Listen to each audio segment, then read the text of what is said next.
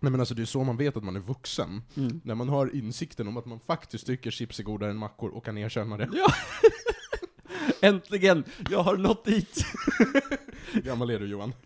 Gammal? Fan vad tid det tog. Ja! Ja, herregud. Jag har, okej. Jag har ju, förra året så crowdfundade jag ett par gaming-hörlurar från Odyssey. Mm. Odyssey är så här en amerikansk tillverkare som gör skitdyra magnetic planars, det är liksom jättebra hörlurar. Och så släppte de en gaming-serie som har så här fullständigt 3D surround. Mm. Så den skapar liksom ett digitalt rum och så vänder man sig i det och... Hela grejen är i alla fall fantastisk. Ehm, jag crowdfundade den, fick hela skiten till typ halva priset. Och sen i år så, bara, så skickade de ut ett mail och bara om du har ett par Möbius och vill ha en sån här muffler till micken, är det bara att mejla oss för vi Mm. skickar det gratis. Mhm. Idag kom ett sms från posten, jag måste förtulla 78 kronor för att kunna hämta ut min gratis liksom muff. Och det, nu snackar vi om ett paket som är, det är litet, kanske typ så här, alltså det är som ett SIG-paket i storlek. Mm. Eh, Jag, jag, jag hatar posten. Ja, du är inte den enda. Var det från USA de skickade eller? Ja, det var från USA. Ja. Ja, nej, jag tror de skulle lägga av eh, med det där och hålla på och förtulla och skit. Eller var det bara med, Mm, det- kring Ja, Wish-grejerna? jag tror, i alla fall från Kina var det va? Ja. Ja, Jag hade hoppats på det. Det här är ett gratispaket som jag till slut betalar 78 kronor i moms för. Moms. Gratispaket. Ja, ja. Jag säger bara svt.se pexit. Aha! Är det shameless plugs? Det är det. Det är absolut shameless plugs för någonting som jag inte alls är ansvarig för.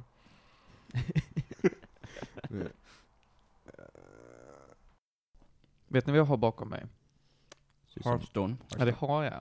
För att i natt så släpptes ju den nya single player-delen av nya expansionen till Hearthstone. Och den är nice, från den kvart jag hunnit spela. Samtidigt som jag håller på att att rigga upp all utrustning. Han satt och hetsspelade i väntan på att ni skulle komma. Det var egentligen ganska komiskt. Försöker bli klar med Ja.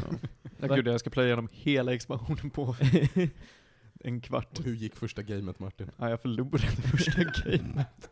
Vad- första heter bossen. Den heter The Dalaran Heist. Så att det är mer story, faktiskt, än vad det har varit de senaste expansionerna nu. Mm. handlar om att ett gäng elaka Warcraft-skurkar ska ta staden Dalaran och flytta på den. Det är en flygande stad. Och de ska, deras plan är att de ska sätta stora raketer Mm. på botten av stan och bara flyga iväg med Visst är Hearthstone liksom universumet i Warcraft-universum? Det är samma grej va, eller hur? Japp.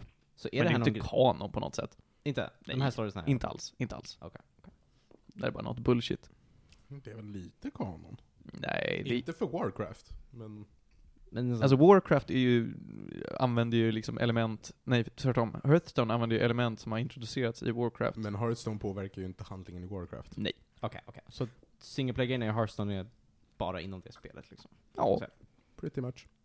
Kan vi, kan, vi, kan vi vara lite excited över att de faktiskt nu annonserat datum för War- World of Warcraft Classic, och det kommer senare i höst? Nej, Varför? jag spelar inte. Varför är man intresserad av Classic? Alltså inte det bara en tidigare version när alla inte så- finns lika mycket features som finns nu? Mm, det är också en tidigare version på en tid då det verkligen krävdes aktivt community-engagemang för att man skulle kunna klara spelet. Ehm, så att jag tror att folk typ är taggade på att faktiskt kunna engagera sig i att hjälpa Mm. varandra igen, kanske? Men jag tänker att det här är väl också främst för folk som har spelat Classic Ja. och liksom lite nostalgiskt kunna gå tillbaka till det. Ja, det är det. Ja. Men, men det kommer också utan extra kostnad om man har en vanlig subscription. Det är nice. Så att de har inte separerat det som en annan kostnad, vilket är fett schysst. Det är, det är riktigt bra. Ja, ja, hörni, det blev för allvarligt här. Ska vi rulla igång avsnittet? Vi kör.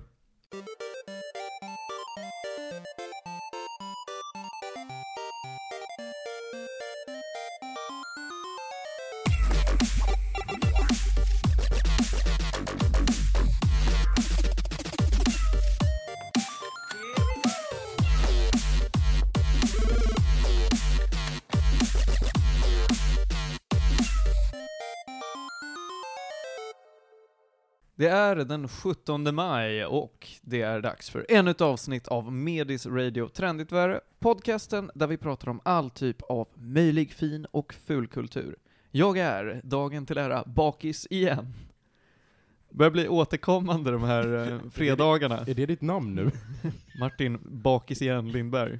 Nej, det är okej. Så farligt är det inte. Jag är mer påverkad av den extremt starka Tex-Mex-burgaren jag åt igår än vad jag är av de två och en halv öl jag drack. Kan ha att göra med att det är en weak white boy. Det kan ha att göra med det. Jag tänkte inte dricka någonting alls, sen kom en fellow skådis och bjuppa på öl. Och jag tänkte ja! Det var kul. När kom vi hem Johan? Vi gick vi vid tre? Ja det gjorde vi. Eh, vi gick kvart i tre, jag var hemma ungefär kvart över tror jag. Okej. Um, Okej, jag kommer ta över det här. Förutom Martin Lindberg, ja sitter då. i studion också Johan Käck, Hallå! jag, Panos Tetufexis, och Felix Eder. Så jävla snyggt Panos. Helt felfritt. Käften. Mm. Johan Havrefras. Nej, Johan Havredal. Men, Tillsammans med Petter. ja, Petter.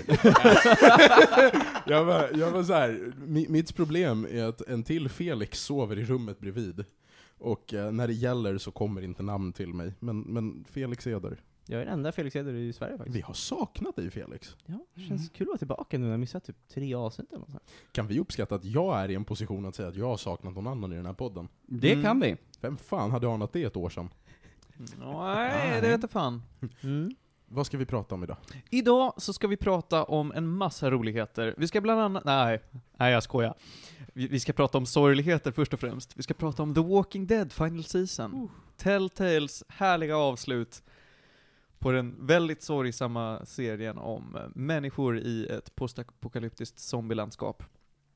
Vi ska dock gå raskt vidare till någonting mycket mysigare, prata Professor Layton and the Curious Village. Visst är det första Professor Det Layton? är första. Ja. Allra första. Jag kommer inte ihåg, jag, någon gång i tiden så har jag ju spelat ett Professor Layton, och jag tror det är typ trean eller fyran eller Det någonting. finns typ sju spel eller någonting. Ja. Och det är, jag kollade timeline, det är, det är klurigt det här. Vi ska prata om Doki Doki Literature Club. Sist på pucken att göra det. Johan böjde sig ner. Jag tänkte oj oj oj. Det Oj, har inget med Doki Doki att göra. Likt en giraff måste han ha huvudet i ett visst läge för att kunna svälja. Du kommer också bli gammal, Panos. Jag ser fram emot det. Vi ska också bli lite mer aktuella och prata om Avengers Endgame, som alla utom Johan har sett. Så att vi ska prata om den så spoilerfritt som möjligt. I'm so sorry. Ar arga mail får ni jättegärna skicka om vi spoilar någonting. Men jag menar... Eh. Eh, och om vi har tid så ska vi prata om filmen Paul som du har sett. Mm. Jag har velat se den, men jag har aldrig gjort Det är väldigt bra när man sitter på ett flygplan och bara, vad ska jag göra nu? Ja just Men Paul! Är det, är det verkligen något positivt? Jag tror aldrig att jag har hört någon säga det här är en typiskt bra flygplansfilm. Ja, Men det var typ en bra flygplansfilm. Okej. Fair enough.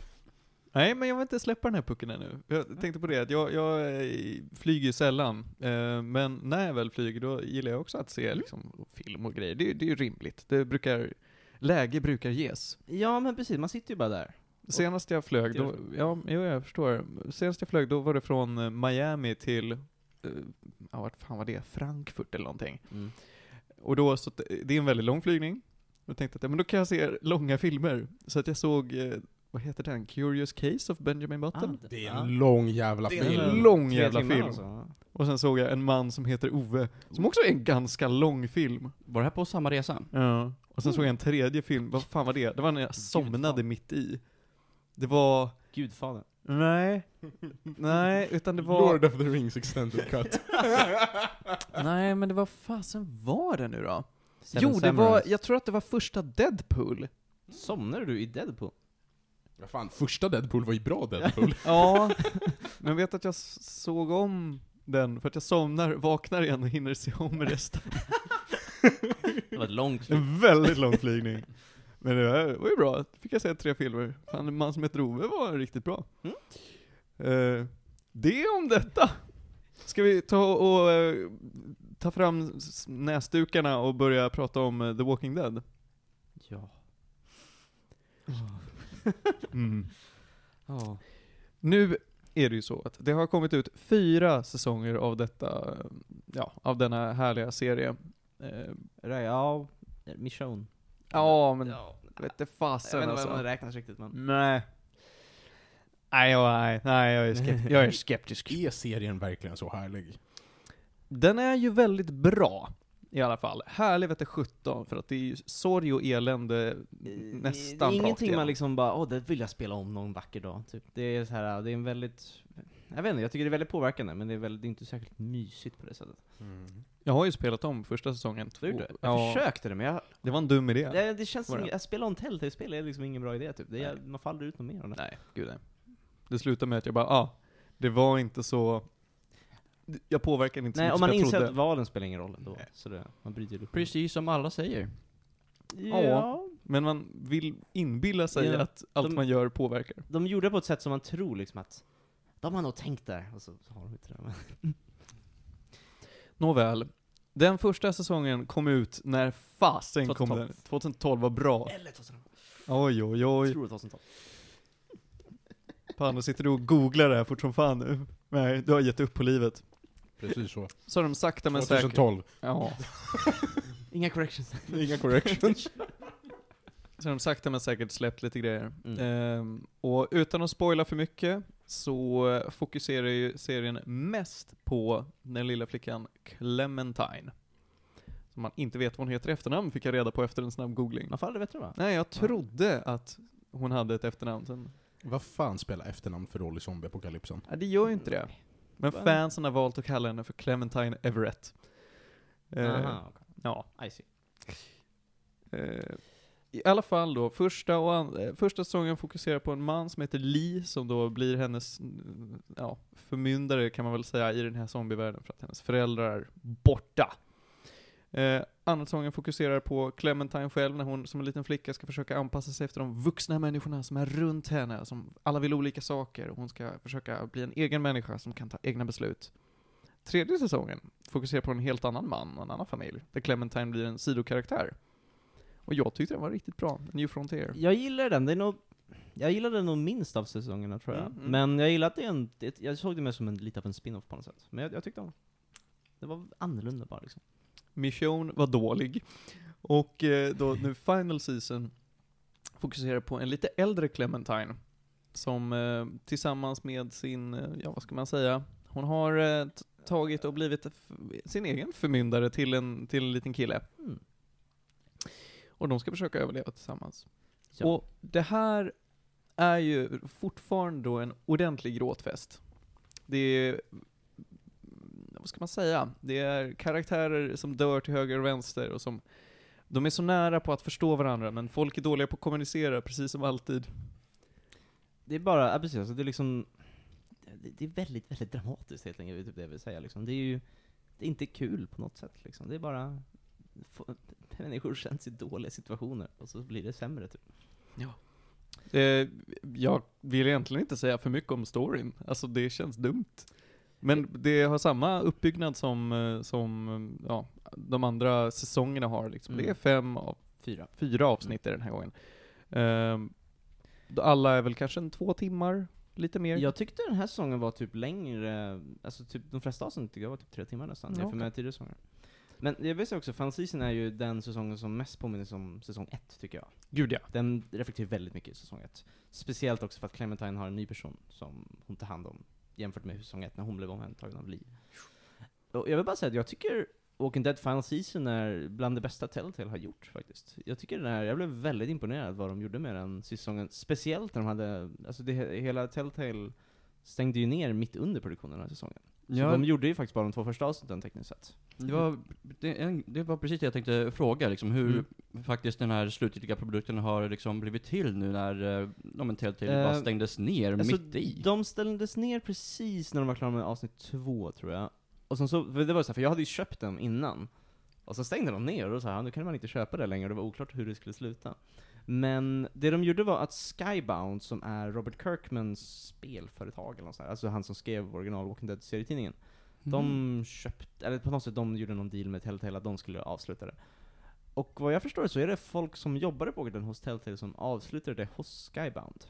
Så är det. Ja, och det, samma människor liksom. det, alltså det märks inte att det är andra nissar som har gjort det på Det, något det sätt. står Skybound Presents istället för Telltale tror jag. Det är väl typ Ja. det man tänker på. Men annars är det alltså jag märkte ingen skillnad liksom. Det är ingen kvalitetssänkning eller något. Varför kan inte flygbolagskonkurser skötas så här väl?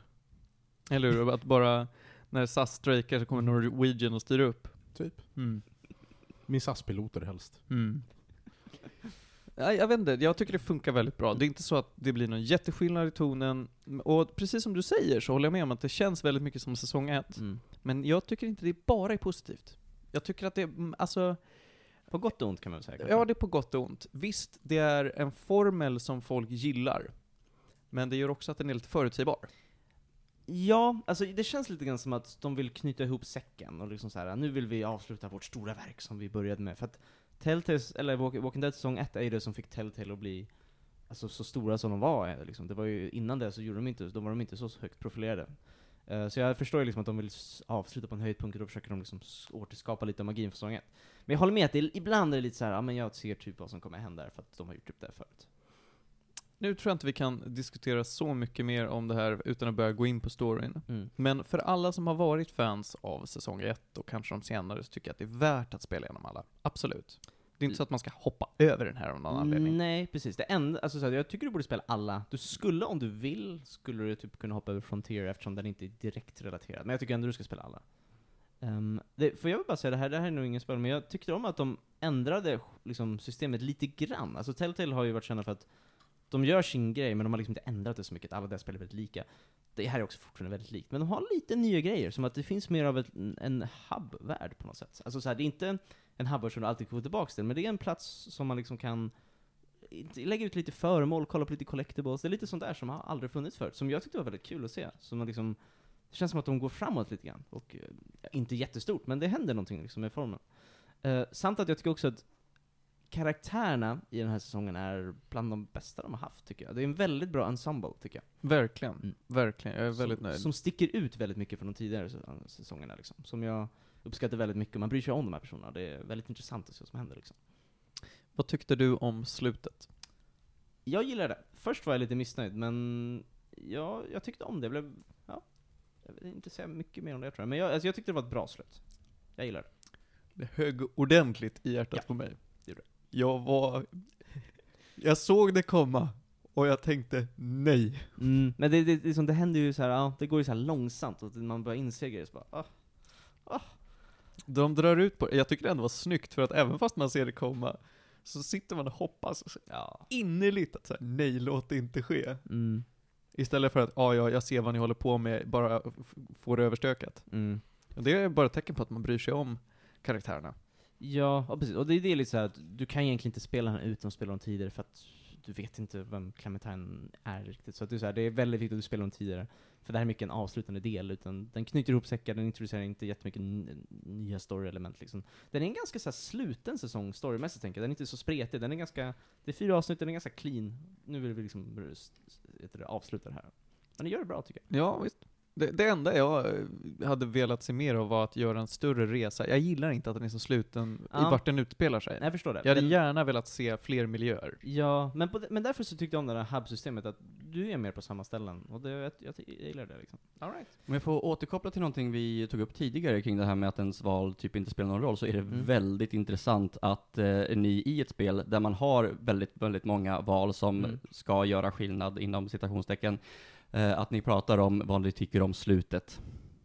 Det tycker jag är väldigt intressant ändå. det, alltså så här, valen i det här spelet är mycket, påverkar mest karaktär skulle jag säga. Den ändrar, du kan liksom inte ändra storyn riktigt, det är lite, vilket egentligen hänt i de flesta tv-spel. Det beror på vad händer med vilka karaktärer. Liksom, vad händer med den här personen? De, det kan du typ påverka. Slutet kan du typ inte påverka. Så, Mm. liksom. så att det, ja men typ, alltså det är väldigt mycket en fast slut liksom. Eh, och det har väl typ alltid, jag vet att säsong två har haft lite, det är en del tv-spel har haft lite mer varierande slut, men den här tror jag är ganska fast. Den kan du inte ändra tror jag riktigt. Ja, visst var det så att, Säsong två hade typ fyra olika slut tror jag. ja. Och, men det var lite konstigt för att nästa säsong så bara, alla sluten ledde till samma sak typ. För att de skulle kunna fortsätta. Nej, jag tror att de valde att bara ett slut var kanon. Var det så? Ja, jag tror det. Aha, okej. Jag tror det. Någon får rätta mig om jag har fel, som vanligt. Okej. Men alltså, ja, Mm. jag, är, jag är himla nöjd. Ja. Det var också ganska billigt. Jag, Jag, köpte det för 250 spänn eller någonting. I typ, jag kollar upp det, jag spelade första avsnittet i augusti. Det andra i november, så stängde Telltale. Och så spelade jag två sista avsnitten i maj typ. Det var, det var, tog ett tag för mig, bara, vad hette alla de här personerna nu igen? Vad hette den där hunden? Därför man spelar alla i ett svep. Mm. Bada bing, bada boom. Um, en grej dock, det här är också kanske inte riktigt schysst mot Telltale eftersom de hade väldigt mycket problem på det. Jag hade ändå velat se att de gick lite längre på att utveckla sin formel lite grann. För att jag tycker fortfarande att, nu kommer ju, nu är ändå Telltale sänkt, men jag tyckte att de gjorde små framsteg, men jag hade gärna velat se mer. Nu vill jag gärna, det här kommer jag prata om senare när säsongen är slut, men till exempel Life is Strange 2 introducerar extremt mycket nya grejer som ändrar väldigt mycket för säsong 1, som har massa nya mekaniker. Som är jätteintressant. Som gör att den känns som att det är väldigt mycket mer progressivt än den här säsongen av Walking Dead, för det är ändå samma sak, lite nya grejer, men inte jättemycket. Så det är väl det jag hade gärna sett, men nu kommer jag ändå inte få mer Telltale-spel, så... Mm, På tal om saker som ligger fel i tiden. Martin, jag har sett dels att du har kollat klart på True Detective. Det har jag. Hur känns det? Jag är nöjd. Jag tyckte fortfarande att säsong ett var bäst. Och Mm. jag är inte överdrivet imponerad över liksom vad jag såg. Det är inte så att det är så här, oh, vilken härlig grej, det här var så jag. Men jag är imponerad över att de har gjort en spännande grej av crime-genren. Liksom. Mm. Ja men det, det är väl just det. Och sen kan vi bara, nu så här lagom, vad är det, tre dygn till att sista avsnittet kommer ut, har du också börjat kolla på. Mm, Game of Thrones. Oh. Hinner du till? Nej, gud nej. det är föreställningshelg. Han kommer alltså inte chans. ta ikapp. Jag är någonstans mitt i säsong tre. Mm. Och det är väl okej, antar jag. Det är ju fortfarande så att det finns väldigt få karaktärer jag bryr mig om, Mm. men... Favoriten är Eh, Jack and Hagar. Hag- Oh. Hagar. Jack and Hagar. Hagar. Och sen så såklart Tyrion Lannister. Ja. Annars så är de flesta så här, ja ja, ni har problem för problemens skull. Och det finns så ofta då jag sitter och himlar med ögonen när de klipper till någonting, typ Stannis Baratheon eller Theon Greyjoy. Som jag har så otroligt lite till Mm. övers för. Intressant. Jag har också sett fem avsnitt från True Detective säsong 3. Mm. Jag Hur tycker om det? den. Jag tycker inte den är lika bra som första säsongen. Absolut Nej. bättre än andra. Mm. Jag är väldigt taggad att se hur det slutar. Jag måste bara hinna hitta tid så att det är klart. Mm. Vet inte. Men jag bara tänker, kan vi avsluta Walking Dead med, vill du göra några gäddor Martin? Vill jag det? Ja, ja det vill jag nog faktiskt. Som helhet så tycker jag att hela The Walking Dead, alla fyra säsongerna, är typ värd en 10 av 10 för storyn. Det tycker jag. Den, den är en fantastisk serie. Och jag tycker nog att säsong 4, eller Final Season då, är kanske värd en... fan kan det vara? Är den uppe och pillar på en nia kanske? Det är inte så här, åh vad klockrent, det här är det bästa som har skapats. Alla ska göra det här. Woo! Men det är nära alltså. För mig, så, så nej men det är nog en nia för mig. Mm, okej. Alltså, första säsongen av Walking Dead är bland de, i alla fall när det kom ut, bland de bästa spelen jag har spelat. Ja, Ja, men den det- gav jag en 10, och det, nu har jag inte spelat det på hur länge helst, men det, när jag tyckte det var en 10 när det kom. Jag tycker också det är en tia. Jag vill nog ändå ge den 8 till Francis. Jag tycker de kunde gjort lite mer, och att jag håller med att det är lite för lite samma sak. Att, oj, kolla vad bra säsong 1, nu ska vi göra en lika bra avslutning här. Är det lite grann som eh, Star Wars Episod 7 till Star Wars Episod 4? Ja, ja men typ lite så här Mm. att, så här bra var vi förr i tiden, nu gör vi det igen. Mm. Ja, men jag kan tycka lite så. Fast, fast jag, ty- jag tyckte om allting de gjorde med att avsluta allting, men det... Ja, det, det var väl typ det. Jag ger en åtta tycker jag. Den är absolut värd att spela. Det är bland de bättre säsongerna tycker jag. Absolut. Av, som Telltale har gjort, av allting. Jag tycker nog ändå att säsong två var sämst. Tycker du? Ja, jag tycker nog det, för att den var bra i början, men det, alltså, det var mycket utför sen. Ja, jag kan hålla med. Jag tyckte... Alltså jag tycker nog Frontier egentligen är sämst, mest, men det är mest för att den är mest irrelevant. Fast jag tyckte den var väldigt bra för sitt eget sätt. Den hade en egen story liksom. Mm. Men, Mm. eh, ja. Allting är bra, så sp- spela alla. Coolt! Då säger vi det om The Walking Dead Final Season och går raskt vidare till att prata om något mycket mysigare. Vi pratar om en professor. Layton, and Ja. the Curious Village. Om nom nom. Det här var ett spel, nu ska jag säga, när jag i julas skulle åka till mina farföräldrar i Österrike så var det så här, jag har ju inget Switch, ingenting, vad ska jag spela för någonting? Då hittade jag, ja men Professor Layton finns för 100 kronor på Google Play. Det har jag inte spelat, och det är första spelet i serien bara. Får, jag, får jag bara fråga, börjar alla dina nya spelupplevelser med att du ska åka ner Ja. till dina föräldrar? Ja. jag känner att det här är en mina- återkommande grej. Alla mina mobilspel brukar bli det, för att jag, alltså, jag har ingenting att göra, så, så här, jag kan lika gärna spela. Då, då ska jag väl säga så att den här egentligen, från början släpptes den till DS va? Yes! Och det var 2007-2008. Ja, någonstans där. Ja. Mm. Så det är ändå rätt nyligen i tiden, Mm. för att vara ett Nintendo-spel tänker jag. Ja men Nintendo som Ja. bara utger iterationer av samma sak tio år i rad. Kolla Mm. inte på mig sådär Martin. Mm. Hur som, Jag tittar på dig med åtrå i blicken. Okej, så Professor Layton är en, ja, ska jag säga, en pusselserie helt enkelt. Det är, det är en samling med så här, typiska pussel som man gjort, typ så här, man ska föra över vargar och får över en bäck, man ska dra tändstickor för att forma grejer. Mycket sånt där grejer. Det är en samling med sådana pussel, i det här spelet är det 120 pussel, samt typ hur många bonuspussel som helst, som jag inte gjort klart än. Eh, men, allting är liksom framat i en väldigt mysig så här, brittisk setting när det är, du följer professor Herschel Layton och hans assistent Luke. Där de ska åka ut, det börjar med att eh, du får se en cutscene när de ska åka ut till, vad heter den här staden? Sankt Mystiweer. Där de, eh, där de ska Hmm. lösa, där de ska lösa ett arv, en arvsdispyt eller något sånt. Vilket här, och assistenten säger på en gång bara Why are we gonna solve a dispute that sounds so boring? Och så, ja, det börjar så. Well Luke. Eh, och så, så ska de, i alla fall. Så det, det är liksom lite intro. De ska åka till en liten mystisk stad där alla invånare är lite så här. alla gillar pussel. Varenda person du pratar med så här. jag vill hjälpa dig men du måste ju lösa det här pusslet först. Så går varenda konversation i hela spelet. Man köper konstigt nog det. Ja, för att det här är så här. man spelar ju, alltså jag spelar väl typ för storyn, men det är också, de har bakat in pusslen väldigt bra med uh, settingen. För att det är så här, det är ett, alltså gameplaymässigt så är det typ ett peka-klicka-spel skulle jag vilja säga. Att du har, du har liksom, nu är det här på mobilen, men du har en karta över stan, och så klickar du för vart du ska gå mellan de olika utrymmena och pratar med olika karaktärer, eller klickar runt på olika grejer.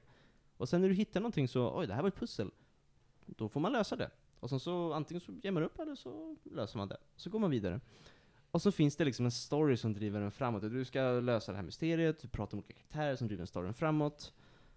Uh, och sen så ibland får du se lite cutscenes som är sjukt snyggt animerade. De är verkligen så här uh, skulle kunna vara en tv-serie typ. Alltså de är jättesnyggt både animerade. Med, med full voice acting som är jättebra. Uh, så spelet är liksom, det här är, jag, det är ett väldigt bra mobilspel i att du kan spela det i 10 minuter på tunnelbanan och lösa lite pussel. Typ. Du kan gå förbi. Eller så bara gå runt och explora stan lite grann. För det är så här, det är en så här, jag gillar brittiska deckare. Och det är en så här typisk mysig brittisk småstad där de så här, alla- är så trevliga och går runt och bara Welcome to the bar, here can you drink milk. Typ. Och så, så pratar man med dem. Och så, så får man lösa lite pussel. Och så, så här, det är ett väldigt mysigt spel på det sättet. Uh, och det är egentligen för att presentationen är så himla stark. Sen så är det många tillfällen när man säger åh, jag orkar inte sitta och lösa de här pusslen. Så då tröttar man lite på det, för att det är, är väldigt, det spelet är egentligen bara en samling pussel. Och en del är väldigt lätta, en del är sjukt svåra och tar alla ledtrådar för att lösa. Alltså, det känns lite så här. den bilden jag får av Professor Mm. Layton, både av det jag har sett av det innan och av det Mm. du säger, så är det verkligen, det är den där typen av spel som verkligen gjorde DS till en bra konsol på men den typ, tiden. alltså jag förstår varför det här var väldigt populärt på DS, för du, sa, du kunde spela det i 10 minuter on the go, typ, när du väntar i kö. Jättebra spel för det. Eh, och det är samma sak med mobilen, för att det här är en väldigt bra port. Det är en HD-port, men det funkar väldigt bra. Alltså DS-spel i allmänhet är väldigt bra att porta till telefoner, för att du hade dels touchfunktionen, samt att en DS hade två skärmar, så det liksom funkar på en mer vertikal display. Så du har ju liksom, du använder ju klick för allting, så det var jättesmidigt. Man skulle ibland typ behöva ha en penna, för ibland ska man rita lite grann, och det, det är lite krångligt med fingret. Du menar Ja. en sån här? En note är nog bäst för, ja, om man hade en sån. Oj, oj, oj. Lite såhär mattetal med fingrar är inte jättenice. Men annars är det en väldigt bra, en väldigt bra port tycker jag. Och det tog mig typ 17-18 timmar att spela klart det. Och jag har fortfarande typ 30 bonuspussel kvar eller nåt så här. Så att det är ett väldigt långt spel, och du får väldigt mycket för 100 kronor. Så, och det är så här äh, typiskt bra spel att spela när man har, när man har en, en kvart typ, eller någonting. Skulle jag säga. Och jag blev jättetaggad att spela fler. De ska släppa flera, jag vet att jag läste att, uh, gud vad heter det andra spelet? Professor Layton and the Pandora, per, Pandoras box. De, de har redan släppt Mystery Journey för typ 170 spänn. Mystery what? Alltså Professor Layton Mystery Journey. Vad är det för något? Är det, Den finns! aha. Jag ser Jag- den. jag har hittat Eller bara- Laytons Mystery Journey. Jag vet inte, jag har bara hittat Curious Village när jag kollar. Men jag vet att Pandoras box är släppt i Japan på Mm. Android och iOS, men inte än i resten av världen. Så vi får vänta när de gör en translation av det. Har du Mask of Mystery eller något sånt där också? Ja, nu ska vi se om jag... Mirror Mask? Nej, nej, Mirror Mask är en film som är asbra. Eh, Du tänker på Miracle Mask? Miracle Mask, tack. tack. Mirror, vilket spel? För att jag vet att det är Curious Village, eh, Pandoras box, Unwound Future. Det är originaltrilogin, och sen finns det en prequel-trilogi också. Ja, det finns det. Vad sa du att det här hette? Curious Village. Nej men inte, inte, du var så Panos Mystery Journey, men jag tror det är ett Android-original. Ja det är det. Men är det gjort av Level 5 också? Ja, släppt år 2017 faktiskt. Oj. Det är, Men det släpptes också till 3DS. ja, kostar 170 spänn i, i Google, äh, i App Store. Men är det ett fullständigt Layton-spel alltså? Antar det. Ser ut som det. Om Jaha. de säljer för 170 spänn Ja, ja, förväntar jag mig det.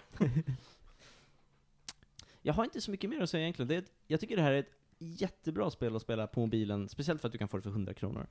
Det är så här typiskt bra mobilspel. Jag har fortfarande en massa grejer kvar att göra som jag ska väl beta av någon gång. Ibland kan det bli så här. det är också ett, det är ett ganska bra spel att spela. För att det vill säga, jag var ju, när jag var och åkte till Österrike så var det så här, jag satt på flygplanet och skulle spela det. Och så, så var det så här, min, jag satt bredvid min mamma, och hon här, Åh, vad gör du typ? Och hon bara, ja men jag löser de här pusslen. Och hon var så här, Åh, får jag också? Och så det är så här, typ, det var så här bra spel mina föräldrar också kunde typ spela och tycka är kul. För att det är så här, det är inte bara att man måste spela spel för att tycka om det, är liksom bara lite vanliga sorts pussel som alla kan tycka är rätt kul.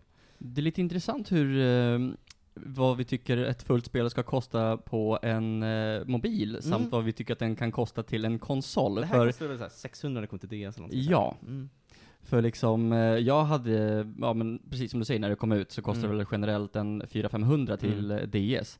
Eh, nu säger Panos att, ja, kostar det 170 till Android, ja, då ska det fan vara ett fullt spel. Eh, inget orimligt med det, utan bara den här... Eh, Men jag, jag tror det är så Mentaliteten. Ja men när det är mobilspel, jag vet inte, det är någonting som säger mig att det ska inte vara så dyrt. Typ. Mm, Jag, jag känner att det har, dels har det att göra med att mobilspel övergått till att vara gratis och ha reklam. Mm. Och att det är den plattformen vi typ förväntar oss. Och sen, sen tror jag också att det har att göra med att när du har en liten kassett du kan trycka in i din konsol och bära med dig, så känns det mycket mer permanent än en app som du literally bara vill kunna avinstallera konsekvensbefriat på tre sekunder. kan du tekniskt sett göra på en 3DS också? Jag tycker köpa Mm. Såklart du kan det. digitalt liksom. Ja. Men det, det är liksom, det är the precedent. Det är vad plattformarna har etablerat Ja. för förhållningssätt. Men jag tror det så, jag, tror, jag tänker fortfarande att det här är en mobilspel, du klickar med touchgrejer. Typ om du köper något spel till Switch eller 3DS, du har fortfarande så här fysiska knappar. Det känns mer som en konsol. Det här är liksom ett mobilspel, du klickar lite grann. Så kan du tabba ner och gå in på en annan app liksom. Det liksom, känns fortfarande som en app. Men konsolen kostar ju också liksom eh, egentligen billigare än eh, en, mobiltelef- en det klassiska mobiltelefon man köper idag. Ja. Så att jag menar, det är ju lite konstigt att dra Ja. den egentligen. Att, ha, att man har knappar och inte. Ja, jag, jag vet inte, det är bara någon, jag har honom rätt. Det är bara någon slags mentalitet. Jag vet inte om Mm. jag skulle köpa det om det kostade Mm. 500 kronor. Mm. För att jag skulle bara, men det är bara ett mobilspel, skulle jag nog tänka. Men precis, jag, jag tror inte någon med liksom, mobil som inte spelar liksom 3DS eller Switch eller något sånt där Mm. skulle köpa ett uh, full-fledged spel för, uh, om man säger 300-400 spänn. Nej, precis. Jag vet inte om det finns, det finns säkert, men... Det gör det säkert. Men, Men, eh, Telltale-spelen har ju börjat släppas till mobilen vet jag. Jag vet inte vad de kostar, men... Eh, Jag har ingen aning. Nej. Jag kan kolla lite väl snabbt. något liknande eller någonting. Mm. Jag har Mm. inte så mycket mer att säga egentligen. Jag är väldigt taggad på att spela mer. Jag hoppas att de släpper flera. Mm. Och spela. Jag vill gärna spela igen, för jag blir lite så här. Jag fastnar för karaktärerna, och det är så här, det är så typiskt bra spel för att man, man låser upp massa så goodies hela tiden. Så bara, åh, nu låste jag upp alla voice lines som Professor Layton sa. Det kan jag lyssna på i tio minuter och bara, åh, vad roligt. Oj, är du en sån person som går igenom soundtest? eh? Ja, inte allt, men jag, gick, jag lyssnade igenom hela soundtracket som släpptes. Det kan man också få. Men soundtracket generellt för Professor eh, Layton är helt fantastiskt. Jag har ju för sig bara spelat eh, eh, Professor, Layton, Professor Layton vs Ace Attorney, men jag har alltid velat spela igenom just Professor Både Layton-serien. Professor Laytons theme och Don Paulos theme är så himla bra. Det är verkligen så här, åh. Jag är faktiskt typ taggad. Jag kommer köpa det här. Ja. För att prova. Jag, för jag har på senare tid har jag försökt ackumulera lite roligare mobilspel. Ja, men det, det är så här, Jag har bland annat betalat för Mario Run. Du gjort det? Det är 100 kronor jag är nöjd med att betala. Är det värt det? Jag har Oj. spelat det, det testversionen. Alltså, Nej, jag första tycker det är delen. kul. Mm. Eh, sen har jag betalat 50 spänn för Luxor HD. Men det är ett sånt där spel jag växte upp med. Eller vad är det för- Vad är Luxor HD? Eh, kulor kommer in på en linje, du skjuter kulor, matchar färger, har Jaha, sönder ja, dem det- innan det- de går det- in i ja, ja. porten. Egyptiskt tema. Gammalt, gammalt datorspel faktiskt. Jag kommer säkert känna igen det när jag ser det, men jag det ringer ingen klocka det, just det är nu. typ lika, det är inte riktigt, men nästan lika gammalt som dig och mig. Det är faktiskt, Oh. det är ett gammalt spel, som Mm. datorspel. Förlåt, va? Lika gammal som dig och mig. Nästan. Det skiljer väldigt mycket mellan er två. skiljer inte tillräckligt mycket för att vi ska vara så separerade generationer av spel. Ehm, hur som, det är ett gammalt spel, det funkar väldigt bra på mobilen. Mm. Det är 50 spänn jag också är nöjd med att ha spenderat, så Professor Layton blir väl nästa. Absolut. Och man kan kolla alla cutscenes i den också. Och det gjorde jag typ, efter jag var klar med spelet. Det är som en hel film, man kan liksom se igenom alla cutscenes. Supermysigt. Rekommenderar. Nice. Gäddor? för priset och att jag fick ut typ 17 timmar och kan säkert få ut typ 5 till eller någonting, så ger jag väl en 8 tror jag. Mm. Det är så här, det är inte, det är ett väldigt tråkigt spel om man bara nu ska jag spela i tre timmar, Professor Layton, det är så här, det är väldigt bra i små chunks. Du kan bli väldigt, du, en del pussel är så här, man bara aha, okej var det så ni tänkte, okej då. Så Mm. man kan bli lite så här, lite irriterad på logiken ibland, men jättemysigt, jättebra mobilspel. Det är kanske för de här som vill ha de här, eh, vad heter det, järnskrynklarna, eller Ja, men alltså för jag säger, vet på. DS-tiden, det var ju så här typ spel som Brain Age och sådana spel var väl jättepopulära, inte bara bland liksom, alltså bland mycket äldre folk också. Så här, uh, Brain Age var väl ganska stort ett tag då. Brainage. Brain Age Mm, jag vet vad du menar. Som var så här, också typ så här pussel typ. Ja, jag har det. Du har det? Ja, jag har Brain Age. Ja. Det var väl populärt också, inte bland gamers liksom, utan bara... Ja, det var en... Jaha, han. var un- alltså, det eh, var också- doktor, vad heter han? Brain Age var också jävligt underhållande. Men det var också så här, det här var ju innan smartphone-tiden, så det här var ju det man hade när man skulle gå runt och spela någonting. Det var ju på sin Nintendo DS liksom. Jag visste inte att det hette brain training, eh, bra, eller vad heter det, brain age, brain training hade jag hört talas om. Ja, men det, alltså det, det finns flera olika inom genren som egentligen jag tycker de var rätt underhållande. Du, Kul eh, anekdot. Jag har bara spelat Professor Layton 3, eh, and the Lost Unbound- Future. Unbound Future. Ja, precis. Ja, olika titlar i olika regioner, Ja. som alla jävla spel höll jag på att säga. eh, men det började jag spela när jag skulle börja på KTH. Så att Jaha. under min mottagning så gick jag runt för min DS i fickan och plockade upp det då och då. Jaha. Det gjorde mig inte jättepopulär. Att jag går runt 2015 med ett limegrönt DS och bara ja! Förlåt, men det är, alltså, det är ju höjden av Gamerboy-meme. Ja. Man Med går tank- runt i universitetsålder och spelar spel på ett Gameboy. V- vad som är minst lika roligt var att jag eh, bara för några dagar sedan tittade på gamla foton från högstadiet. Då man ser mig med samma DS sitta i Globen och spela Pokémon med mina kompisar.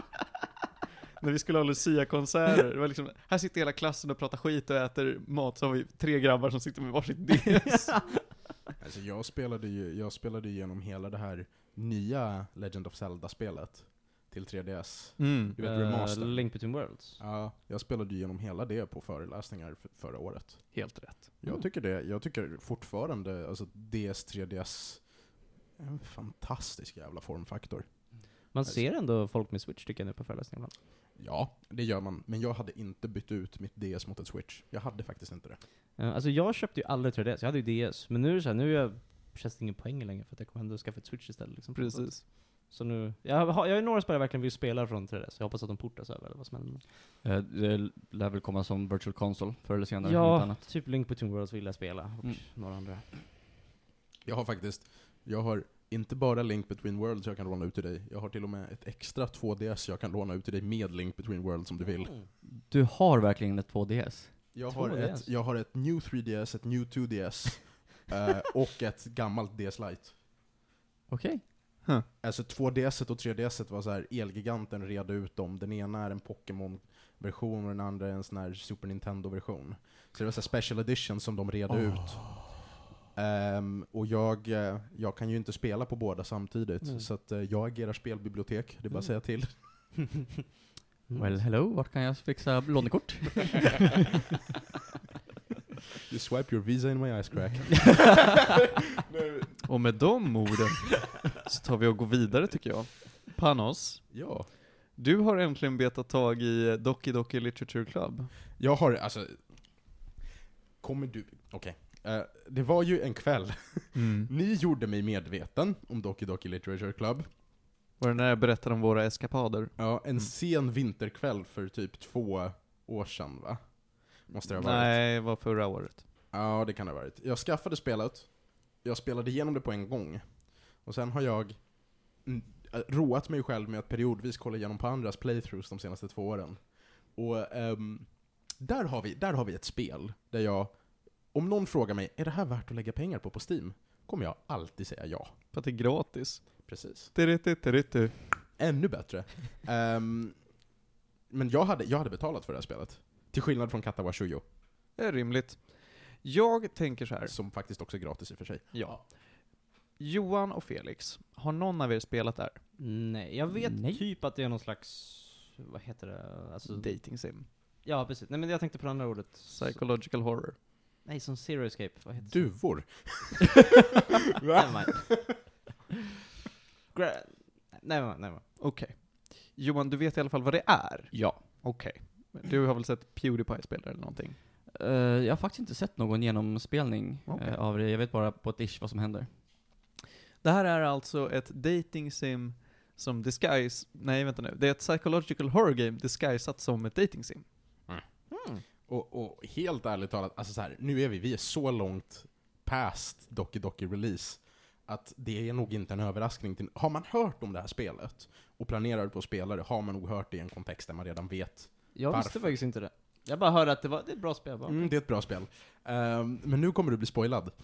Mm. Uh, Doki Doki börjar precis så oskyldigt som ett japanskt dating kan börja. Det är inte jätteoskyldigt, men det är lite lagom oskyldigt. Det påminner om de dating sims jag har gjort. Ja, men, ehm, ehm, huvudpersonen blir indragen av sin kvinnliga bästa vän i en literature club efter skolan. Alltså, japanska skolklubbar, ni vet, klassiskt. Klubben består bara av tjejer, och är inte stor nog för att få överleva, så de behöver en medlem till. Och det är så han blir indragen. Sen spenderar man a good 45 minutes på att börja utveckla sina relationer med de här tjejerna och börja välja vilken stig man vill gå ner för. Liksom. Vem, vem av flickorna ska jag försöka dejta? Och sen händer det grejer. Sen börjar spelet fucka. Spelet börjar systematiskt glitcha. Flickorna dör på våldsamma sätt, en och en. Och varje gång något dramatiskt händer blir man resetad till början. Alltså glitchar som att spelet är trasigt alltså. Spelet är... Det beter sig som att det är trasigt. Som Precis. Lite Pony Island typ. Ja. ja. Ah. Ja, exakt så. Och, och eh, sakta men säkert inser man att här är någonting fel. Ehm, den stora, alltså den stora liksom, eh, den, eh, ja, den stora chocken kommer egentligen eh, när man får reda på att en av flickorna är fast i spelet och kontrollerar spelet. Så det är hon som liksom driver de andra till att ta livet av sig eller hamna i olyckor, eller jag kommer inte ens ihåg hur de alla dör. Men det händer skit. För att hon vill bli ihop med huvudkaraktären. Hon vill att du ska fortsätta spela. Och så corruptar hon din save-fil varje gång något händer så att det ska börja om. Så att varje gång du börjar om så har de karaktärerna som nyligen dött blivit helt broken. Så deras dialog glitchar, och deras pixel art glitchar, och det är liksom, alltså det är verkligen så här, hon manipulerar spelet. Och allt slutar med att man befinner sig i ett av rummen på skolan i en helvetesdimension, och i princip hålls fången emot sin vilja i spelet. Ehm, och den här utvecklingen sker så jävla mästerligt egentligen. Alltså pacingen är makalös för ett spel som går att spela klart på tre och en halv timme, typ. Ungefär. Och eh, för att du ska klara spelet så krävs det att du går in i mappar för spelfilerna och deletar vissa grejer. Och skriver om vissa grejer. Alltså i vanliga Windows Explorer? Ja. Så att du måste liksom, du måste faktiskt motverka hennes inverkan på spelet för att klara spelet. Och det är fett. Det låter ju coolt alltså. Ja, och, och, Damn. och, och det de gör är att alltså på, den här, på de här tre kvarten du börjar, där allting typ ser oskyldigt ut, lyckas de etablera sympati och relationer för karaktärerna som senare kommer dö på dramatiska, hemska sätt. Jag tänkte fråga, är det liksom välskrivet? Man bryr sig om det alltså? Okej. Så välskrivet som ett japanskt dating sim kan bli. Det är Ja. fortfarande extremt ostigt. Ja, jag skulle inte säga att det är välskrivet som dialogen är bra, men det är välskrivet som det är upplagt på ett jävla smart sätt. Mhm. För att de lyckas etablera, som sagt, de lyckas etablera sympati och förståelse och liksom relationer, och sen börjar de rycka karaktärerna från dig, och så... Och det blir verkligen, alltså det intensifieras eh, på alla sätt. Det är inte bara grafiken och dialogen, det är musiken, eh, det är liksom black screen pauser i loading, alltså det är så här, det är verkligen, det smyger sig på en. Eh, på ett så jävla vackert sätt. Ehm, och det är därför också så här, att kolla på playthroughs, typ Pewdiepies eller Jesse Cox, är riktigt jävla underhållande. Man behöver inte spela det själv, för att det är så effektfullt. Man njuter av reaktioner liksom från Ja, mm. ja. Vad skulle du säga Martin? Nej, första gången jag spelade igenom det där så var vi fyra pers som satt samtidigt över Discord och spelade det. Jag satt också med då. Ja, du var med då. Det var Men du, skitkul. visst spelade du också då? Ja, nej, Ja. Jag, jag började spela det. Mm. Eh, sen satte ni igång och spelade typ så här f- 30 minuter efter mig. Ja, just det. Så vi var lite off sync. Jo men det var vi alltid för att det var du, jag, Laura och Froggo som spelade det. Ja. Och Froggo och Laura var mycket långsammare än vad du och jag var. Ja. Jag tror jag nästan kom ikapp dig eller någonting. Ja men typ för att jag, ja, ah, ja. Vi, vi spelade i alla fall igenom det. Och då blev det ju så att varje gång någon kom till ett parti då spelet började fucka, så hör man ju paniken som uppstår. Någon bara, vänta va? Nej. Nej, nej, nej, nej, nej, nej. Laura som sitter och har mega ångest och bara Dog någon. Åh. Nej, good times. Good times. Jag blev fett, alltså jag har velat spela det, det är ett spel som ligger på min skrivbord i så här två år bara, one day. Men jag, Snälla spela Doki Doki. Det är liksom inte, precis som Pony Island, är Mm. inte Alltså det är väl kanske inte, kanske inte det bästa spelet jag någonsin spelat, men, men det gör något nytt med genren Mm. och det gör det på ett kul sätt. mm. Och det är snabbt, det går snabbt också. Och det är bra spenderade tre och en halv timme. Ja, det är det verkligen. och det är gratis. Ja, och det är gratis. Och det är gott. Så är det. Vill du ge dig några gäddor? Alltså jag, jag, tänker, jag tänker faktiskt ge Doki Doki en solid 8. Coolt. Ehm, hade man tillämpat dens liksom storytelling på ett lite mer utvecklat spel, hade den kunnat nå upp till en 10 för skräck. Det tror jag faktiskt. Blir man verkligen så liksom rädd av det här? Alltså, är, men, liksom rädd, men alltså inte rädd som att man, som en jumpscare, men alltså man blir liksom obehagligt på det verkligen. Ja, det är, det är psykisk stress Mm. och det är väldigt mycket osäkerhet Mm. och liksom... Eh, Jag vet inte, jag är mest så här. Jag är mest nöjd över att någon har gjort ett bra, effektfullt, kort skräckspel Mm. utan jump scares eller för Mm. mycket gore. Och det tycker jag är imponerande. Men sånt där, det är typ Nej den men kom igen Martin, det är inga faktiska jump scares. Det finns några. Ja, men, men formatet tillåter knappt jump scares. Ja, det är sant. Men det låter någonting för mig där. Tar det. Det är någonting som jag faktiskt kan eh, uppskatta. Jag hatar verkligen skräck som bara baserar sig på jumpscares. För jag hatar jumpscares, jag har ganska svårt för det. Eh, men liksom, jag, blir- jag blir inte rädd, alltså liksom egentligen för jumpscares. Det är mest att jag att tycker det är jobbigt. Ja, men Och de precis. spelar ett ljud som bara Det är så Mm. jättehögt ljud som bara ah! Mm. Har, har ni sett Rec? Den här spanska? Ja, jag vet vilken du Nope. menar. Jag har inte det- sett den. Den är bra. Eh, det är en sån här modern, verkligen jump scare gore-film. Som Ja, anses vara gore är också riktigt, riktigt bra. Den är gjord med handkamera. Ja. Ehm, det här Ja, är, rec, alltså Ja. som recording. REC. Ja, ja, ja, men den har jag hört om att den är bra. ja, jag, tror den är, jag tror den är spansk, Ja, eller portugisisk, vad är det? Det är spansk produktion, Jo men vänta, den här har jag hört talas om. Ja, de blir instängda i en byggnad med en massa brandmän och, ah, ja. Mm. Hur som helst, ehm, det här är typ raka motsatsen men fortfarande samma nivå av skräckbaserad Mm. underhållning.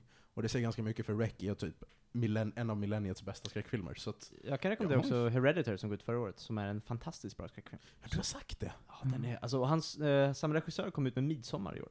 Skräckfilm i Sverige på midsommar.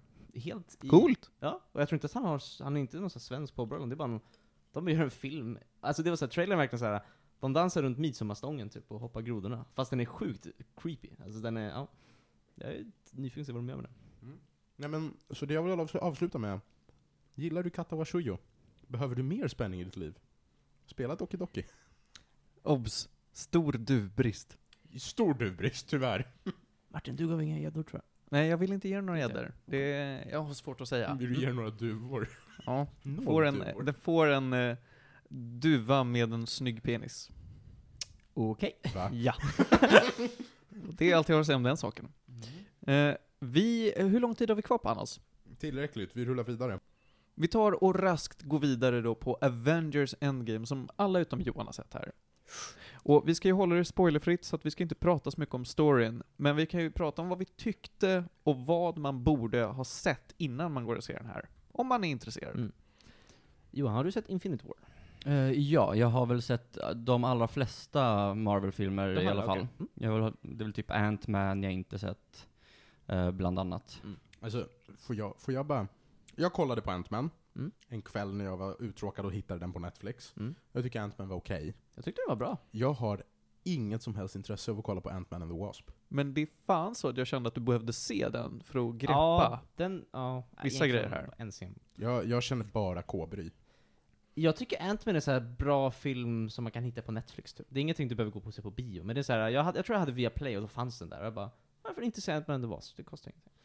Jag har också, jag har, ehm, jag använder en VPN-tjänst för amerikanska Netflix, Mm. och har insett att de är jävligt mycket snabbare med att lägga upp Marvel-filmerna. No shit. Ja, exakt. Ehm, Inte mycket längre till tills Disney Plus, då är det... Nej, precis. Mm. Ehm, så att jag, nu har jag, jag har kollat på Endgame en gång, Mm. jag tänker titta om på den. Jag tänker typ också fundera på att gå och se den faktiskt. Först ska jag sätta mig och kolla på Infinity War, en Ah. gång till, för att ha det fräscht. Och sen gå och kolla på Endgame en gång till. Kan ni ta med mig då? Jättegärna, vi kan göra det till en grej. Ja, absolut. Vi kanske ska säga så här, att Endgame är ju en direkt fortsättning till Infinity War helt enkelt. För det är ju, de är ju, från början, om jag minns rätt, så hette de Infinity War Part 1 and 2, och sen så split, ändrade de namnen tror jag. För det är ju samma regissörer, och jag tror de spelade, alltså de är gjorda back-to-back, så de är inspelade samtidigt. Um, så att, det är ju liksom direkta fortsättningen.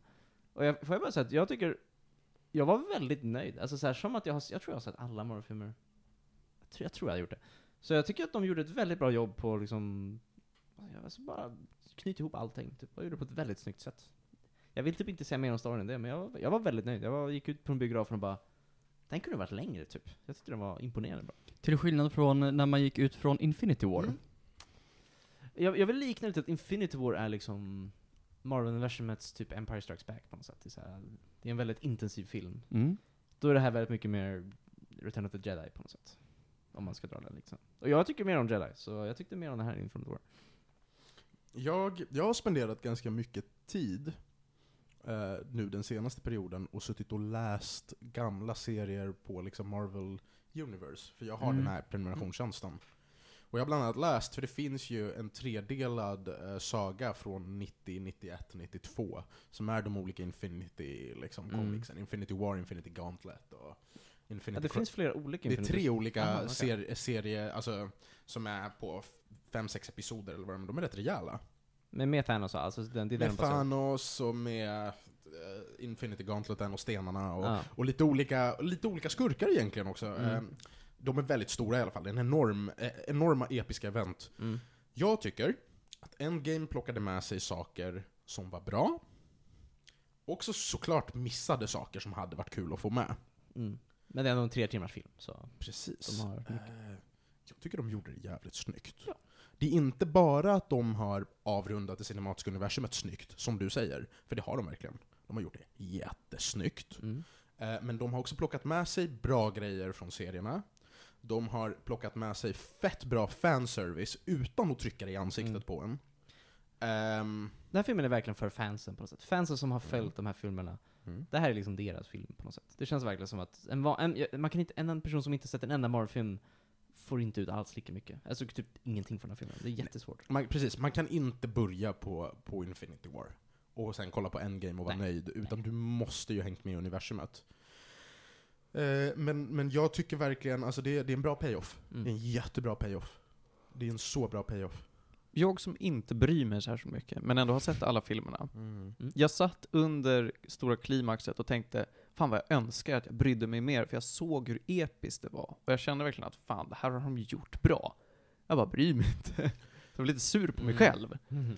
Men det är också det här, de, de tar verkligen the original Avengers, eh, Thors storyline, eh, Iron Mans, Captain Americas, eh, obviously Widows, Black Widow, och Hawkeye, obviously Hawkeye, Hulken. Hulken, alla deras storylines knyts verkligen av på ett bra sätt. För Mm. att, alltså vi har ju, vi har ändå anat att det här skulle vara, på ett eller annat sätt, slutet för första omgången Avengers.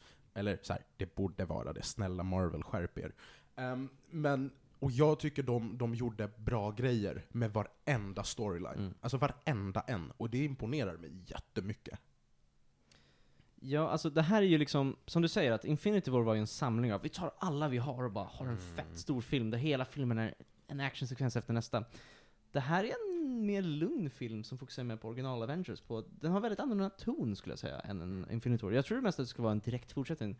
Det är en annan sorts film, det, vilket jag tyckte var väldigt kul. Det är lite mer, jag vill inte säga nedtonat, för det är det inte, men lite mer så här introspektiv på något sätt. Den är så här, Redan Infinity War var ju också annorlunda gentemot de två tidigare. Avengers-filmerna. Men Infinity War är verkligen så här: alla slåss, det är största kriget nu, nu ska vi slåss i två och en halv timme. Mm. Och så var det en story som egentligen handlar om Thanos mer än vad det Ja. handlar om Men Avengers. alltså, Infinity War är liksom Thanos-film på något Mm. sätt. Det är, för han har ju inte haft någon karaktärsutveckling. Alla andra karaktärer har redan haft sina filmer. Så jag tyckte det var ett ganska smart val att vi fokuserar på Thanos i Mm. en film. Jag, jag vill också, jag vill lägga till att så här, ehm, precis, Infinity War, ett helt jävla klimax. Alltså Mm. hela filmen är ett klimax. Ja, den bara avslutar allting. typ. Endgame, för att vara en film på tre timmar, har en så jävla bra pacing. Alltså förlåt, men jag... Det här är en av de få tre timmars filmerna där jag går ut från salongen och inte har känt av att det har suttit i tre Nej, timmar. jag skulle kunna sitta mer. Jag var såhär, jag bara, den kan vara längre. Jag tyckte Mm. inte det var för långt. De skötte det skitsnyggt. Ehm, och, de, och jag tycker också de gjorde jättebra hur de hanterade Captain Marvel. För att, för att för de som inte vet, så är det, alltså Captain Marvel är Marvel-universumets Superman. Ja. Det är liksom eh, in, fista allt, lösa alla problem. Eh, och, och det hade de inte kunnat bygga en tre timmars film på. Och jag tycker de löste hela den grejen extremt Mm. bra. Jag Alltså- tycker det var ett smart sätt att göra det. Ja. Av, av två saker som tar slut den här våren, tycker jag att Endgame har skött det så mycket bättre än det andra. jag tror inte vi kan säga så mycket mer än så. Nej, jag vill bara säga såhär, jag känner mig ganska klar med MCU, i alla fall på ett tag. Jag, mm. Spiderman kom ut typ i juli, juli. Jag är, såhär, jag är inte så taggad. De Jag är ska, såhär, precis, de ska släppa nya Spider-Man som kommer innefatta Mysterio. ja, jag vet inte Nice. vem det är, det är väl någon karaktär som folk tycker om så.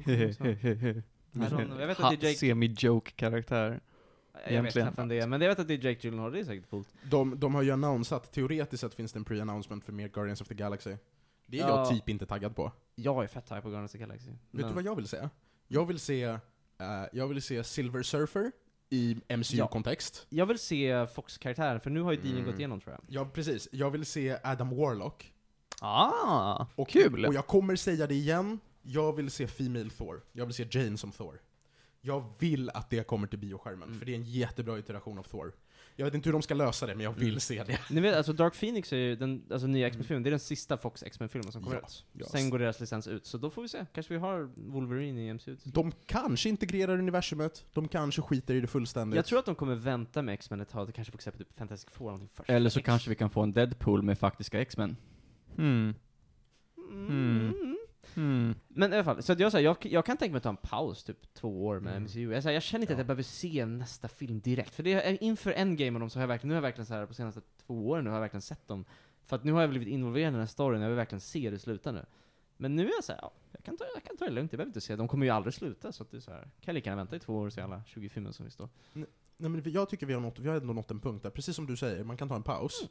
Men om ett par år när den här Disney Marvel-tjänsten kommer ut, Det kommer till år än, ja, tror jag. där ser man. Och någon frågar mig, skulle du kunna tänka dig att betala en månad bara för att ta dig igenom hela den här arken en gång till? Ja. Ja. Ja. Alltså så här, och nu, alltså de har ju sagt att de ska göra typ en miljard spin-off-serier, de ska göra en film, en serie med Loki, de ska göra en serie med Falcon, de ska göra en serie med Scarlet Witch, de ska göra en serie med alla så här mindre karaktärer ska få, Winter Soldier ska få en serie, alla ska få en serie. Alltså serier, inte filmer. Serier, ja, serier på. Disney-tjänsten. Alltså så det är samma sak med Star Wars, de ska göra massa, alltså så här, för Disney vill ju verkligen satsa på den nya tjänsten och ha exklusivt material där. Och jag tror att de kommer säkert, alltså så här, för de har sagt att de ska involvera, de nya Marvel-serierna ska vara mycket mer kopplade till MCU än vad Netflix Marvel-serier var till exempel. Kan man faktiskt hålla nivån på den nivån som de flesta av Defender-serierna har hållit? Så att, och jag tänker framförallt på Luke Cage. eh, Daredevil? Daredevil, absolut. Ehm, jag älskade... Jessica Jones? Vad sa du? Jessica Jones? The Först- Punisher hellre. Jessica Jones var bra. Första säsongen var riktigt bra tycker jag. Ja, hellre The Punisher dock. Ja. Men så här, allt utom Iron Fist, okej? Allt utom Iron Fist. Kan de hålla nivå som allt förutom Iron Fist? Mm. Då kan Jag, jag, jag, tänka jag mig vill säga att kolla Netflix det. Marvel-serierna är bra. Det är bara så här, det är lite synd att det, det blev inte så mycket av dem. De blev inställda. Ja. Så. Ja men det, jag hoppas de bara plockar upp på det igen. Finns Agent Carter på Netflix? Uh, jag tror Ja. det finns på typ perioder har det väl funnits i alla Uh, fall. Jag tror att den finns på Viaplay nu faktiskt, jag har sett den där. Men kan Viaplay bara sluta? Nej, förlåt. Jag tänker inte på Agent Carter, jag tänker på Agents of Shield. Ingen Ah, eh, men jag har att Agent båda de finns på... Finns på Netflix. Ja. Ja. Det, okej. Det, det kan jag se. Men Agents of Shield är vi också typ, Marvels Agents of Shield finns inte. Nej, okej. kanske den som finns på Viaplay. Den är väl också typ ganska kopplad till MCU va? Alltså, Den har inte jag sett men... Mm. Nej men, ehm, och sen, just det, just det. Avengers. Mm. Ehm, jag säger bara, ni, ni som har sett den, jag säger bara ehm, Black Widow. Captain America. fan theories. Va? Det är det. Okej. Vi kan, vi kan ta det här igen när Johan också har kollat, Ja. så behöver vi inte spoila röven av honom. That's about it. Nice. Okej. Nu tycker jag vi går vidare. Det kan vi göra. Eh, Gäddor. Ja. Vill Åh, ni ge något? herregud. Jag vill inte ge några gäddor. I, i, i Marvel-kontext, 9,5. Oj. Eh, utanför Marvel-kontext, nej, men sjua. Ja, men jag känner, jag vill nog ge den en nia, tror jag, bara för att den var så himla bra på att knyta upp allting. Men, alltså som en standalone film är det ju liksom, det är ingenting jag kan rekommendera till någon annan om man inte har sett allting liksom. Det är väldigt få Marvel-filmer som är såhär, den kan du se utan att ha sett någonting annat. Så, så vilka filmer behöver man se innan man ser Endgame? Jag vill säga... alltså, Iron Man. Iron Man, typ första Captain America. Jag, jag skulle säga alla Captain America. Du, talat. du behöver se Original 5, du behöver se alla Captain America, Ja, för de introducerar konflikt. Captain America-filmer är alltid de som drar MCU framåt ganska mycket. Jag skulle säga... Eh, vad heter den där filmen? Eh, första Avengers skulle jag säga, en bra film att se. Mm. Eh, Du jag tror man skulle säga, säga alla Avengers egentligen. ja, alltså Ultron är väl... Ja, men det kan vara bra att se också. Ja men den introducerar lite Mm. nya karaktärer. Men shit. sen typ såhär Black Panther, Ragnarok, alltså, de är alla bra att se typ. Alltså såhär, Jag tycker man borde se Ragnarok. Ragnarok är typ, alltså mest för att jag tycker Ragnarok är en av de bästa de har Första gjort. Guardians. Man Ja, behöver första inte se andra Jag tyckte egentligen. Men ja, ja, man, man behöver Mm. inte se den för... Det, det vi pratade om innan i alla fall, jag och Felix, det är att det finns ingen lista på nya filmer Mm. inför Endgame, utöver vad man behövde se inför Infinity War. Du måste inte se Captain Marvel, det är en liten bonus typ. Precis. Ja, det är bara så att du vet vem den är, men det är ingen så här jättedirekt koppling liksom. Mm. Det är typ det. Hörrni, nu går vi vidare. Dagens sista punkt. Något helt annat. Det är ju att du har sett Paul. Yes. Är det en Simon Pegg Nick Mm. Frost-film? Det är det, men det är inte Edgar Det Wright. Det är inte Nej. en del av Cornetto-trilogin, Cornetto, som jag också trodde ett tag, för det är de två. Okej, det här är en sån här typisk film, jag skulle åka på ett flygplan, jag laddade ner lite film på Netflix. Eh, och sen så, jag brukar alltid ladda ner lite olika genrer, så det bara, det här låter som en ganska så rolig komedi som jag, det här, jag behöver inte vara så koncentrerad, jag är lite trött så jag kan kolla på den. Okej, så Paul är, det handlar om, alltså, Simon Pegg och Nick Frost, som är kända för att de tillsammans spelar i Cornetto-trilogin. Det här är väl typ en, ska jag säga, en inofficiell Cornetto-trilogifilm. De är två nördar som åker till Comic Con. De är två brittiska nördar som åker till Comic Con och sen ska de göra en roadtrip genom USA och kolla på alla coola Area 51 och Nevada och alla ställena. Och så träffar de en alien som heter Paul, som eh, röstskådespelas av Seth Rogen. Eh, och det här alien är inte så här typisk alien, eller vad man nu ska säga en typisk alien är, men han är så här, han svär mycket, han röker mycket, han, eh, ja, han gör, han inte så anständig helt enkelt. Han är en skön snubbe. Ja men typ. Och det är så här, Seth, han är Seth Rogen typ. Varför låter det här lite grann som den här alienen i American Dad? American Dad, ja. Mm. Han känns väldigt mycket som Han Roger. ser ut som ja, den. Roger, Ja. så heter han tack. Han ser typ likadan ut också tror jag. Jo men det är en ganska typisk... Ja, men det, det, det är eh, en typisk alien, så en alien Ja. ser ut. Em, alltså ganska kort, det här är en väldigt kul, ganska mindless komedifilm. Alltså den är inte så här extremt välskriven. Jag tycker inte den är lika bra som liksom Cornetto-trilogifilmer, för de är väldigt mycket bättre regisserade och det är väldigt många kända skådespelare. Väldigt många mer än man tror. Det dyker upp fler och fler bara, är den personen med? Wow! Och så här. Eh, och de har verkligen så här försökt göra en kul film. My- Det är mycket så här eh, popkulturreferenser. Det är jättemycket Star Wars, Indiana Jones och Hajen och så här supermycket lines som är så här, känns lite forced ibland och bara Ja, det är klart de skulle säga den linen. Alltså så här, det, det känns lite grann att det säger de i Star Wars, så det är coolt. Och de har forcat det lite grann. Men alltså så här, det är en, vad var den? Typ en timme, 45 minuter underhållande film. Den är aldrig den liksom blir tråkig. Den är lite klyschig och så här, har lite konstiga ställen, men den är så här. Det är två roliga personer som åker genom USA med en rolig alien, och så hittar de på lite äventyr. Typ. Stöter på väldigt mycket så här äh, religiösa personer som, ja, och det är väldigt så här roliga poliskaraktärer. Det, det händer bara mycket igen. Liksom. Det, är- det är aldrig en tråkig stund. Det är en perfekt film. Man kan slötitta lite grann på ett flygplan. Den, har, den har också spanat rätt mycket memes va? Ja, kanske. Jag vet inte, den är ganska gammal. Pass. Jag vet inte. Jag har sett memes från den. Den är väl från så här 2011, okej. Ja, Någonstans där. ja det är den. Det är väl 2011? Jag tror faktiskt det Ja. är precis 2011. Skulle du säga att den är sevärd overall? Jag, jag vill ge den... Men jag, jag kan sätta det här till en sexa kanske. Alltså, så här, det är okej. ingenting som är så här, äh, djupt eller något sånt där. Men det är en väldigt bra, så här, snabb film som man inte måste tänka så mycket. Det är någonting, alltså när man inte vill se liksom Gudfadern någonting, bara koppla av och ha kul. Jag, jag tyckte det var väldigt mycket, det var väldigt många roliga skämt, det var mycket så här kul de gjorde med det. Och eh, det är samma regissör som gjorde Superbad tidigare, som jag tycker är en extremt bra film. Mm.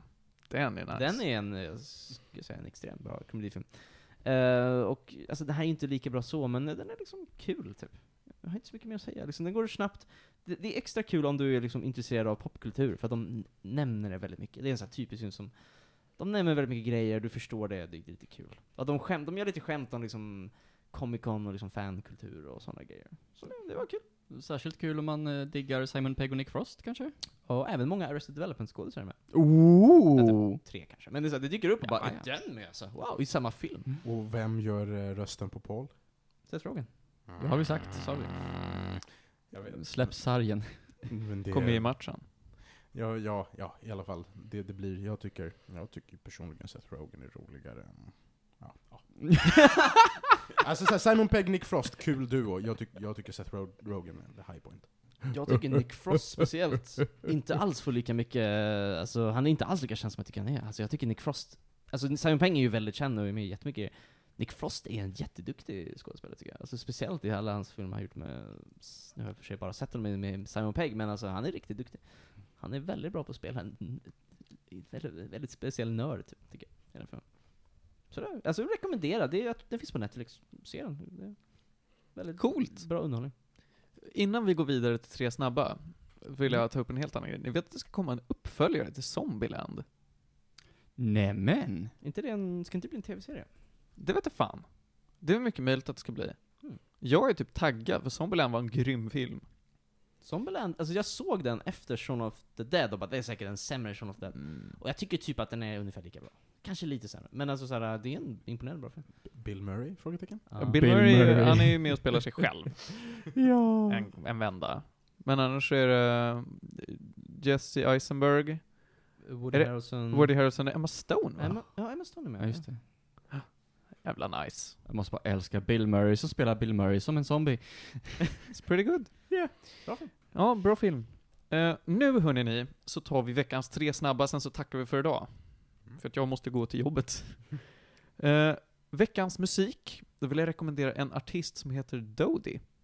Ah. Dodie Clark, hon är eh, en, eh, vad ska man säga, en lite halvmysig indiepop. Ganska långsamt, inget, inget hets på något sätt. Mycket akustiskt med, med gitarr och ambient synteffekter. Det, det är mys. Fick också reda på när jag gjorde en snabb googling att hon är bara ett år äldre än vad jag är. Hon känns som en otroligt mogen artist. Och på det temat så eh, googlade jag också upp att Billie Eilish, som har en väldigt mogen röst, även om hon som person är ja, väldigt omogen, hon är född 2001. Hur visste du inte det? Hade ingen aning. Det Hade ingen aning. Wah. Smullgrill. Ja, verkligen. Nej men alltså verkligen. Nåväl. Eh, gällande då veckans, eh, veckans ja, film, så eh, vill jag än en gång ta och rekommendera, jag ska inte säga att det är en YouTuber, men det är en humorgrupp som finns på YouTube. En australiensisk humortrio som heter Auntie Donna. De gör mycket nonsenshumor. Mycket det ballar ur humor. Ge det några försök. Eh, det, det, det finns hur mycket som helst på deras kanal, de har hållit på i flera år. Vad heter de så? Anti... Auntie Donna. Anti okej. Ja. Stavas typ som det låter. Alltså som farm, eller faster. Ja, precis. Eh, alltså jag, jag, jag tycker det är helt fantastiskt. Det är helt upp my alley, så att om ni tycker jag är en skön typ så kan man ju ta och kolla upp det. eh, och då ska vi se, veckans spel är en blast from the past. En riktig gammal goding som jag funderat på om vi ska snacka om som ett helt segment, men jag känner att nej. Bara spela det för er själva. Super Mario Sunshine. Yay! Bra Jag grejer. vill verkligen spela det. Kan de inte göra en HD-remake till? Retrospelkväll. Sluta Ja. uppmuntra Nintendo att inte släppa nytt material, sluta! Men hur ska jag spela det här spelet? Jag vill spela Sunshine, det går ju inte. Jo, hos mig. Eller hos mig. Ja. Meh. Meh. Jo, men jag kan inte spela från början till slut. Eller ja, det kan, det kan. Nej, det, det går inte att speedrunna så snabbt. Får inte jag, för första playthrough. får jag droppa en kul, en, en kul tech-mention också? Ja, visst. Eh, I typ förrgår släppte OnePlus sin nya telefon, Ja, Mm. det gjorde de. som har kommit ut och wreckat i princip alla andra flagships på marknaden just nu. Det fick Mm, inte- så den är så så bra. Den kommer, ut, den den, ko- den kommer ut imorgon. Det alltså 7 Pro eller? Ja. Jag hörde att den inte var så bra. Nej, den är helt fucking fantastisk. Jag såg en review där de bara, eh, Uh, Vem var det som gjorde den reviewn? Mr Mobile. Äh. Mr va? Åh fan. Mr Mr. Mobile? Mobile, han bara it's, it's Sågade Mr. Ja, han Mobile. såg eller han sa att den, han sa it's, it's good, typ. Han bara you have to sell for it. Men deras slogan är never sells, han bara Marcus Brownlee, Han som, jag såg som, inte som är en enorm, alltså han är eh, Google, Apple-fanatiker. Mm. Han, han älskar Pixel och han älskar iPhones. mm. Han säger att det här lätt är årets telefon, och jag tror på Mm. honom. Han brukar göra bra predictions. Ja. Alltså, jag följer i och för sig mest Mr. Mobile, men jag var faktiskt förvånad att han såg den så mycket. Men, men kan vi, vi kan snacka om det. Toppmodellen har Mm. 12 gig ram. Behöver man- Alltså, det är helt sjukt. man behöver man 12 Nej, nej, nej, nej, nej, nej. För att de har så väl optimerad Android att den Mm. hade nog klarat sig på fyra, precis som en iPhone. Alltså Mm. den behöver inte det. Mm. Eh, de har, för det första har de typ tre kameramoduler, varav den största är på 48 megapixel. Mm. Så här, OnePlus-kameror, inte bra. Men folk brukar göra software-moddar till dem som sätter Google-programvaran, och då är de skitbra. Mm. Ehm, den har 90 Hz OLED-skärm. 90 Hz. Skitmycket för en telefon. Ja. Razer har väl fortfarande 120? Jo, Ja. men Razers är en IPS-panel, det är inte OLED. Fair enough. Ehm, den har 4000 mAh och den ligger fortfarande på bättre pris än Galaxy S10 Vad och kost- nya Huawei-flaggshipen. Vad kostar den? Eh, jag tror den dyraste modellen kostar precis 9000 i Sverige. Men Ja. vi har också en enorm jävla fucking kemikalieskatt, så att det är inte jättekonstigt. Vet Mm. du hur många ampere-timmar den här har? Eh, den lär väl ha någonstans lite över 3000. Okej. Alltså min Note Ja, har fyra, och det är en 11 500 kronors mobil. okej. Så, att, så att de tryckte in batteri, de tryckte in skärm, de tryckte in kameror. Det är bra pris för vad man får faktiskt. Ja, de har den bästa programvaran. Alltså så här, jag vet inte vad mer man kan förvänta sig av en telefon i år. Mm. Jag är imponerad också de har en liten lucka för selfie-kameran. Mm. Mm. Och de påstår sig ha testat den för 300 000 användningar. Det innebär 300 användningar per dag i tre år. Och den stänger av sig själv och mobilen Ja. känner att du tappar den. Det, det är cool idé. Mm.